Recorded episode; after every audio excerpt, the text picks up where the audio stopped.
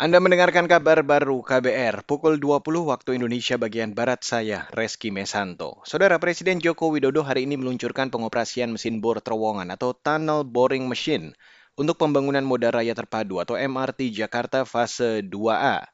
Jokowi mengatakan pemerintah akan terus mendorong keberlanjutan penyediaan transportasi yang modern, nyaman, dan terintegrasi, khususnya di Jakarta.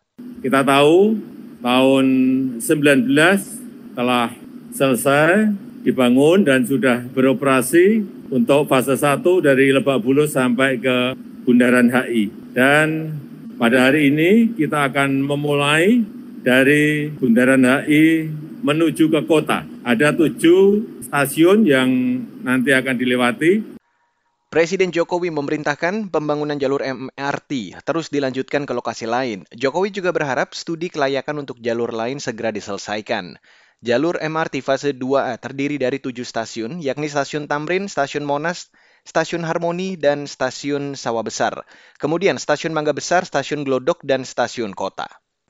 Beralih ke berita selanjutnya, Saudara. Kejaksaan Agung menetapkan dua orang tersangka korupsi pengadaan pesawat udara PT Garuda Indonesia tahun anggaran 2011 hingga 2021.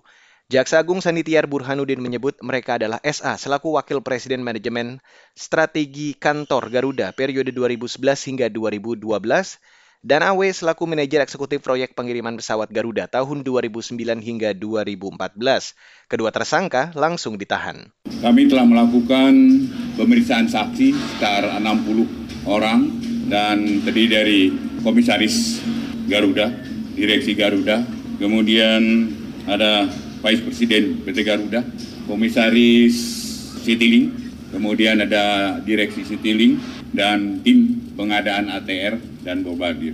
Tadi pagi, enam orang telah kita lakukan pemeriksaan, dan dari enam orang itu kami telah menetapkan dua orang menjadi tersangka. Jaksa Agung Sanitiar Burhanuddin menyebut kedua tersangka terlibat pengadaan pesawat ATR 72600 dan Bombardier CRJ 1000. Namun analisis pengadaan itu tidak dibuat secara memadai sehingga menguntungkan pihak tertentu dan merugikan negara. Kini Kejagung meminta Badan Pengawas Keuangan dan Pembangunan atau BPKP menghitung potensi kerugian negara. Dan saudara, korban jiwa mulai berjatuhan usai Rusia memutuskan mengerahkan militernya untuk menginvasi wilayah Ukraina. Melansir AFP, penasehat kepresidenan Ukraina Oleksiy Arestovik mengatakan, lebih dari 40 tentaranya tewas dalam serangan hari ini. Selain itu, 10 warga sipil juga meregang nyawa. Sementara itu, militer Rusia mengklaim hanya menargetkan basis-basis militer saja dan menjamin warga sipil aman. Korban tewas juga diklaim ada di kubu Rusia. Mengutip antara, militer Ukraina mengklaim menewaskan 50 tentara Rusia di dekat kota Luhansk. Militer Ukraina juga mengklaim menghancurkan pateng milik Rusia di dekat kota Kharkiv dan menembak jatuh pesawat tempur musuh.